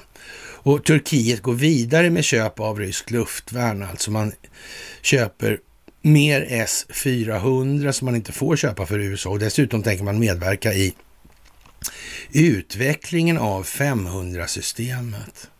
Och om inte det är en liten hint om att vi möjligtvis, eftersom man har varit med och utvecklat F35 och, och ja, så att säga, mm, F35 måste nog anses ligga inom den möjliga målrepertoaren både för 4 och 500-systemet. Mm. Det börjar bli lite skarpt läge helt enkelt, i den meningen i alla fall. Och för att göra det här ännu lite bättre då, kan man väl kanske säga. Ja, bortsett från att det här, hur går det då med NATO egentligen, om, om de håller på på det där viset? Ja, ja och det säga, lämna Turkiet, eh, de, de är de enda som har några soldater ju nästan. Det finns ju inte så mycket annat kvar egentligen. Ja, då blir det ju som det blir helt enkelt. Och, och hoppar de över till Ryssland ska vi inte tala om vad det blir. Men varför ännu mer avancerade strategiska vapen? Mm. Men någon strategisk planering äger ju naturligtvis inte rum i det här. Sådana konspirationsteorier det är ju helt idiotiskt. Mm. Folkbildning, sa Bill. Ja. Så Sverige köpte ju då alltså patriotsystem. Alltså. Ja. Men man kan säga att en viss pedagogisk effekt fanns det ju med det där. Och den här generalen som kom hit där och, och flaggan stannade lite sådär till men för svensk statsförvaltning på en ja, passande låg nivå helt enkelt. Ja. Faktiskt ja. Vattenfall planerar för att eventuellt bygga ut den svenska vattenkraften för flera miljarder kronor. Finländska kraftjätten Fortum hoppas att planerna kan bidra till ett paradigmskifte eh, och ser en stor potential för mer vattenkraft i Sverige. Finskan ser det så. Och tyska statliga Uniper har ansökt om att få bygga ut ny vattenkraft i Umeå. Den svenska befolkningen, vad säger de då? Mm. Är inte det konstigt? Ja, det här med fallhöjder på de här grejerna. Mm. Det finns tunnlar. Ja. Och som sagt, eh, herr Porsman tycker att det enda riktiga är att lägga ner vattenkraften i dess nuvarande form då det tar död på Östersjön på grund av uteblivna viktiga mineraler, precis som i vindkraften som en miljöskandal, för den tar död på det som finns i dess närområde och ersätta det med statligt ägd kärnkraft utan vinstmaximeringsintressen. Och jag vet inte om inte det kan uttryckas eller sammanfattas som en av de mera förtjänstfulla kommentarerna sammanfattningsvis i det här alltså. Ja, det där är ju liksom... Eh, det är många nu som alltså... En, en herr Karlsson har en fråga. Vem har rätten att nyttja vårt, vår, vårt vatten och, och tjäna pengar på det här då? El är den viktigaste ingrediensen i samhället, tillgången i samhället och borde till 100 procent skötas av staten utanför enskilda vinstmaximeringsintressen. Ja, ja. Herr Edlund säger att en nation utan en självförsörjning av elkraft är ingen nation längre. Husse styr nationalstaten mot stupet. Ja, med ett miljöparti värt namnet borde det strävas mot mindre vattenkraft i Sverige och, och de som blir kvar måste bli mer effektiva. Ja, det är nog så alltså. Mm. Ja, det här med att dränera dammarna alltså. Mm. Ska vi äta fisk framgent eller måste vi odla den här då? då? Mm, vi är mer effektiva än naturen i det här. Eh, den har visserligen tillkommit på naturlig väg, men ja, som sagt alltså. Ja, i folkbildningssyfte så det har bitit ordentligt det här kan jag säga. Det här är ingenting som man går klart med hur som helst längre. Det är liksom inga kommentarer åt något annat håll alltså. Det kommer ju någon sån här glad liksom om banker och sådär såklart. På trollnivå. In, inga bilder på sig själv, inga inlägg, åtta vänner. Ja, och så en vänansökan då har de lyckats knö in också. Och därför rensar då Facebook numera sådär. Mm. Bland de här vänansökningarna. Jag har tusen på kö hela tiden alltså. Mm. Och det kommer nya, den rör sig liksom av sig själv. Perfekt. När Investor släppte in nya delägare i sin nätläkardoktor 24 i början av 21 värderas bolaget till en miljard. Men när man i höstas valde att sälja samtliga aktier i bolaget landade istället köpsumman på blygsamma 22,5 miljoner kronor. Frågan är väl lite grann här alltså. Vad, vad, vad... De som blir läkare alltså, vad fan ska det vara för några? Ja, det ska nog inte vara de som har eh, blivit geofensade under pandemin, det tror jag inte. De verkar inte ha moral och karaktär nog att sätta rätt sak framför en annan. Det här med åldringar alltså, sätta dem på palliativ vård. Är det helt, var det helt lyckat kanske?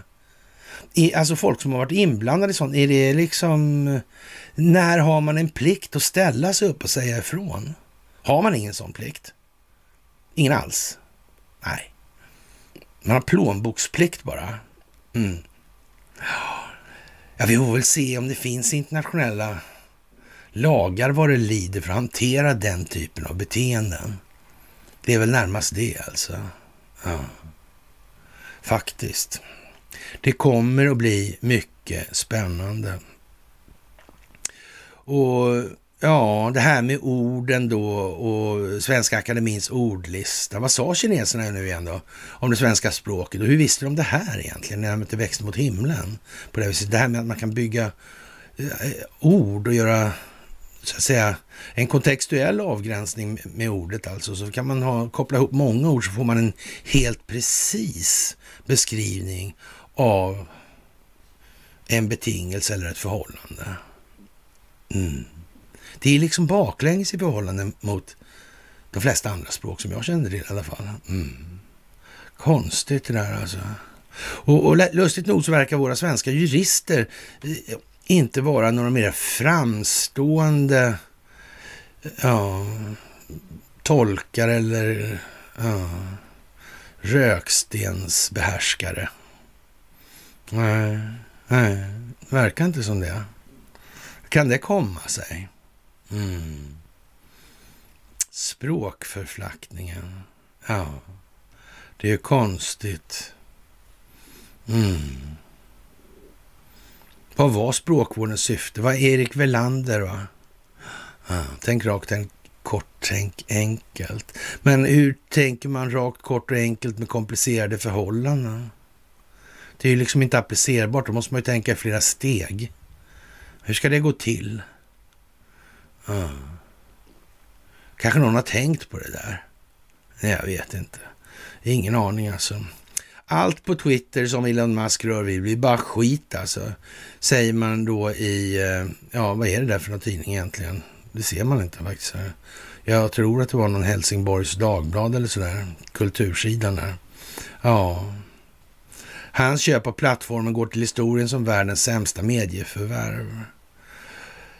Nu är det här Andreas Ekström som har skrivit det där är väl kanske ingen, eh, ja om man säger så här, mer framstående opinionsbildare kanske. Det, det, det, är det väl inte. Men, men eh, ja, att få klä skott för något sånt, eller förmedla det, det, det känner inte jag nödvändigtvis i någonting som ligger en till gang eller någon till gang med tiden i det här. Faktiskt inte alltså. Mm. Ja, märkligt alltså. Som sagt. Mm. Och eh, ja, det här med Elon Musk, ja. Mm. Folkvänligt eh, AI kanske, ja. Ja, det är perfekt alltså. Det får man säga. Och eh, Amerika är på kanten till stupet. Mm. Så är det ju. Ja, det är speciellt alltså. Och ja, det här med valar som dresserade och hämtade amerikanska fotbollar. Ja, de hade elektroder inopererade i huvudet på delfinerna för många, många, många, många år sedan. Mm. Mm. Ja, det där är ju speciellt alltså. Hm. Enskild nytta, ja. Ja. Ja, jag vet ju inte. Ja, vad som finns i bakgrunden alltså. Mm. Där är lite speciellt alltså. Eriks son. Mm. Det är speciellt. Och Sveriges Radio avfärdar dock att beslutet beror på den nya märkningen utan menar istället att man inte tror att man kommer kunna hantera negativa kommentarer som riktas mot den statliga mediejätten alltså. Samt att Twitter fått och för oss mycket minskad betydelse. Mm. Ja, ja. Conny tror inte heller att de kommer kunna hantera det där med, med, med minskad betydelse. Ja, det är inte den mest diskreta projiceringen han har sett i alla fall. Ja. De här konstiga negativa kommentarerna, kan det bli fler det tror Nej, det vet man ju inte på det sättet. Nej, det gör man ju inte faktiskt. Udda faktiskt, måste man ju säga. Och eh, ja, det här Eh, USA spionerar på FNs generalsekreterare. Konstigt alltså. Sekretessbelagda dokument som påstås läckt av Air National Guardsman Jack Teixeira har avslöjat att USA spionerar nära FNs generalsekreterare Antonio Guterres och är inte nöjd med hans engagemang med Moskva. Ja. Mm. Och flera dokument beskriver Guterres kommunikation, inklusive en som anklagar honom för att underminera ansträngningar att vidta åtgärder mot Ryssland på grund av dess invasion av Ukraina. Dokumenten tar upp hans kommunikation med Moskva angående spannmålsaffären som låste upp Ukrainas hamnar vid Svarta havet. Mm. Det verkar ju vara ett jävla avlyssnande, men det kanske inte är det. Det kanske allt det här kommer ändå bara av sig själv. Det ljug, alltihopa. Ja. ja, det vet man ju inte alltså. Ja. Mm. Ja. Som svar på avslöjandet att USA spionerar på Guterres så sa hans talesman Stefan eh, Dujarric till Al Jazeera att han är inte förvånad över det faktum att folk spionerar på honom och lyssnar på hans privata samtal. Ja, vad som är förvånande är missbruket eller inkompetensen som gör att sådana privata samtal kan förvrängas och bli offentliga, sa han då, Dujarric. Ja, andra dokument beskriver privat kommunikation mellan Guterres och hans ställföreträdare. Kommer det mer? Ja.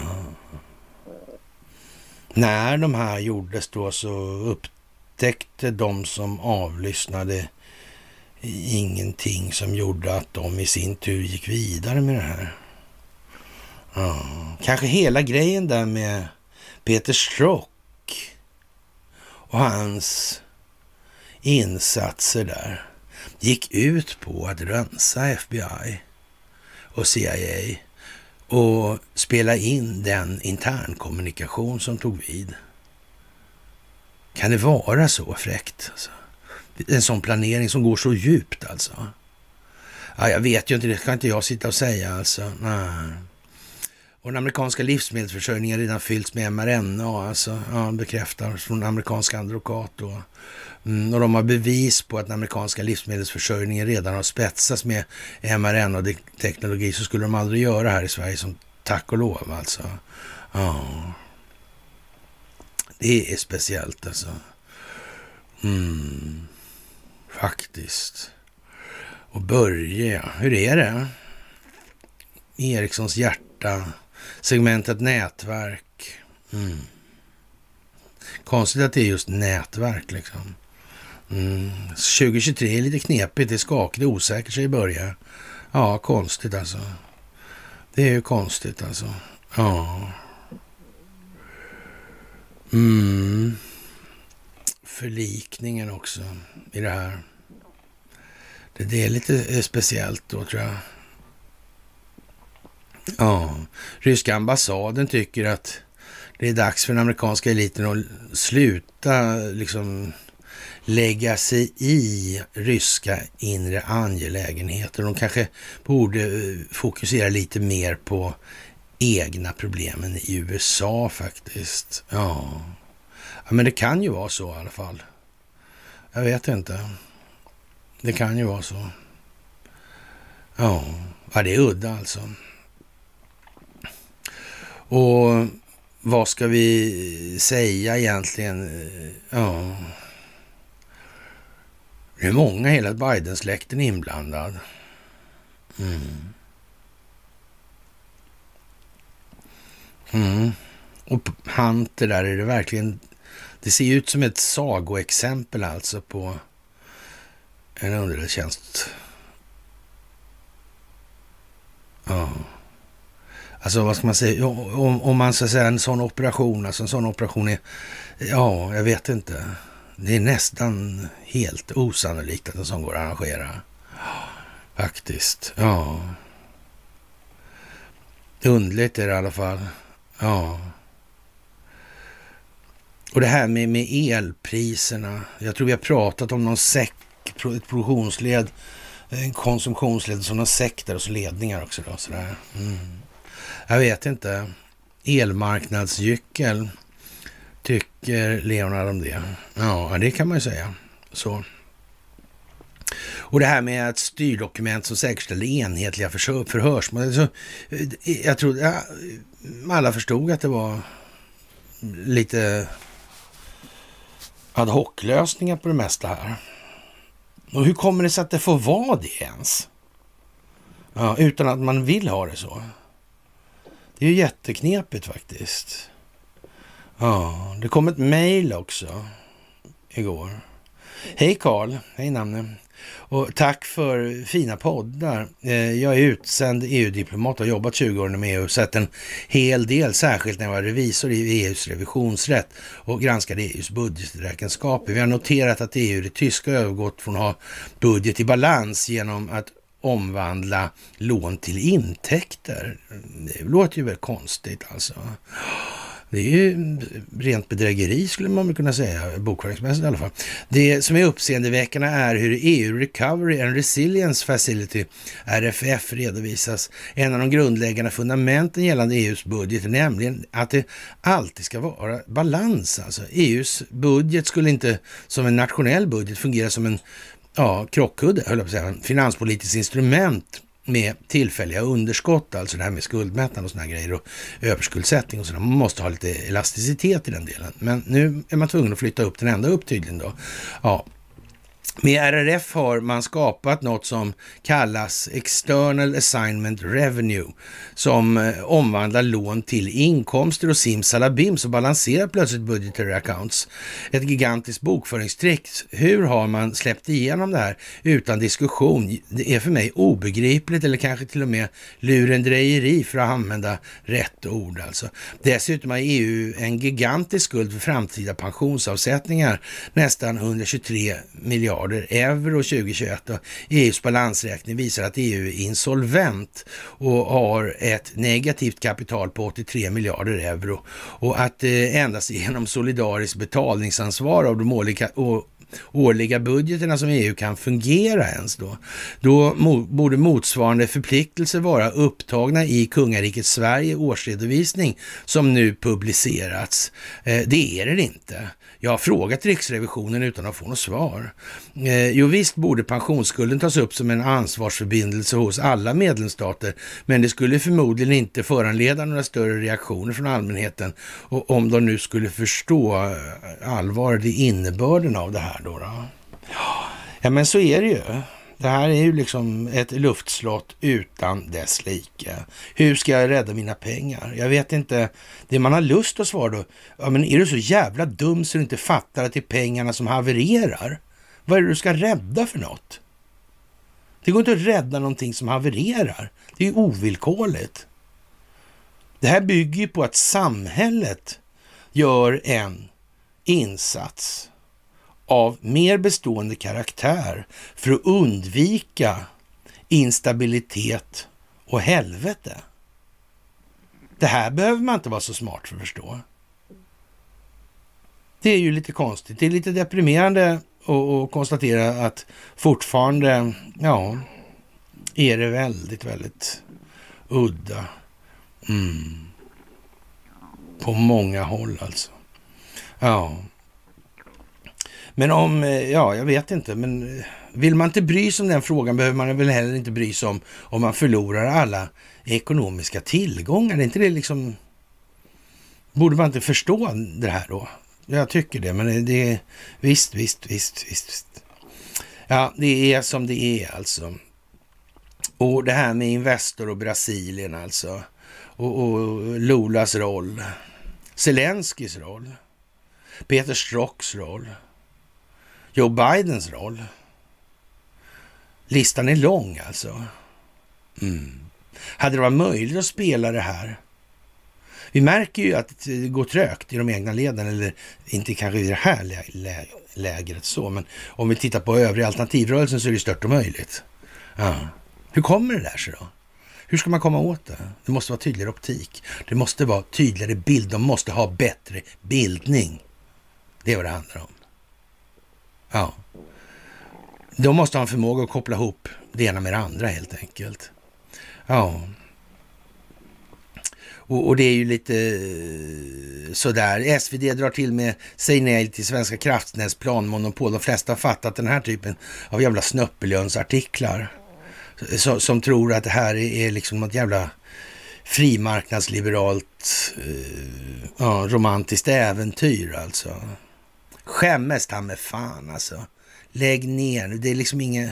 De flesta fattar att det antingen bygger den grundläggande inställningen på enskild nyttomaximering för individen eller också har de förståelse tillräckligt att förstå att de vill bo i ett samhälle med andra människor. Det här är inte skitsvårt nu alltså. Ja, och, och, och, och då kommer det här med ismerna, liksom ismerna, det är ismerna som avgör. Ja. Så eh, man kan inte tillhöra vilken ism man vill vilken dag som helst då. Det finns individer och det finns beteenden, punkt jävla slut alltså. Det får räcka snart alltså. Ja. Och ja, eh, bolaget där och Pernod Ricard, det är ju liksom en fråga av så jävla mesig betydelse så det är inte klokt. Men det är också typiskt alltså. Svensken och brännvinet. Mm. Men släpp skiten fritt så får folk lära sig att hantera det där. Om de inte ens är mogna att hantera det, hur fan ska de kunna hantera någonting annat? Vad är det för jävla dumheter? Det är ju bara så alltså. Det är bara så. Ja, och eh, som sagt, det här med att Trump säger till Murdoch i det här, eh, det som blev en förlikning, att eh, tala om sanningen. Det är inte så att Robert, Mur Rupert Murdoch inte känner till det här. Han har ju varit liksom i den svängen hur länge som helst. Och om ni kollar på de här avlyssningsskandalerna han håller på med så det är vad det är liksom. Mm. Och vad det här var med kriget med Robert Maxwell. Ja, det där får man fundera på helt enkelt. Det där är spännande helt enkelt. Och bankföreningen vill inte ha ett förslag om avstyrker förslag om skuldregister. Det kan man ju fråga. Vad kan det verkligen bero på alltså egentligen? Är det verkligen samhällets bästa som ligger bakom det? Skulle det vara så här kanske att det vore väl jättebra att få ett stort register och, och, och liksom se hur den växande ovillkorliga överskuldsättningstillväxten ser ut. Då skulle ju folk fatta direkt att det här systemet är bara gjort för att allt färre ska bli allt rikare på allt fler människors bekostnad. Och det kan inte ens fungera på något annat vis. Det är helt omöjligt. Det är den mekaniska naturen och karaktären som finns inneboende i det här systemet. Och att bankrättsföreningen avstyrker förslag om skuldregister. Det säger precis exakt vad det säger. Det får inte göras tydligt vad det här systemet är för någonting. Det här är inte skitsvårt alltså. Ja, som sagt. Och den här göken då, ja, som uttalar sig då för bankföreningen, ja, Konjunkturinstitutet och så vidare, jobbar på Riksbanken. Eh, ja. Och ICA har olika system för att för, försvinna sina pengar. För, ja, men sådär alltså. Ja. I Schweiz till exempel har de ett. Och, och, det kan man ju tycka är, är speciellt alltså. Ja. Konstigt alltså. Och det där med Titanic, det vill liksom inte släppa riktigt. Det bara hänger i helt enkelt. Mm. Och som sagt, Musk kommenterar Eriks son på en bild med Börje och trudelutten och ja, en hel vägg bakom med Ericsson-loggor. Mm. Och det är en referens till South Park, Park, var det inte Simpsons. Avsnittet om Erik Cartmans son som tar över världen. Ja. Men det är ingenting som betyder någonting. Nej. Ja, kära vänner, den här onsdagen går mot sitt slut nu alltså. Mm. Och i alla fall i myssammanhang. Och eh, det här är ju en piglördag av rang alltså. Och på fredag kommer vi att spela in det här någon annanstans ifrån helt enkelt. Och vi får se hur det här eh, genomförs nu. Alltså det är lite spännande. Men eh, något blir det i alla fall. Och eh, som ni själva märker nu alltså. Det är tätt, tätt, tätt mellan maskerna nu alltså. Mm. Det är mycket, mycket, mycket speciellt. Det måste man säga. Och det är bara att vara kall, artig, hålla korten nära kroppen. Så hörs vi på fredag senast. Och sen får jag önska er en trevlig piglördagskväll.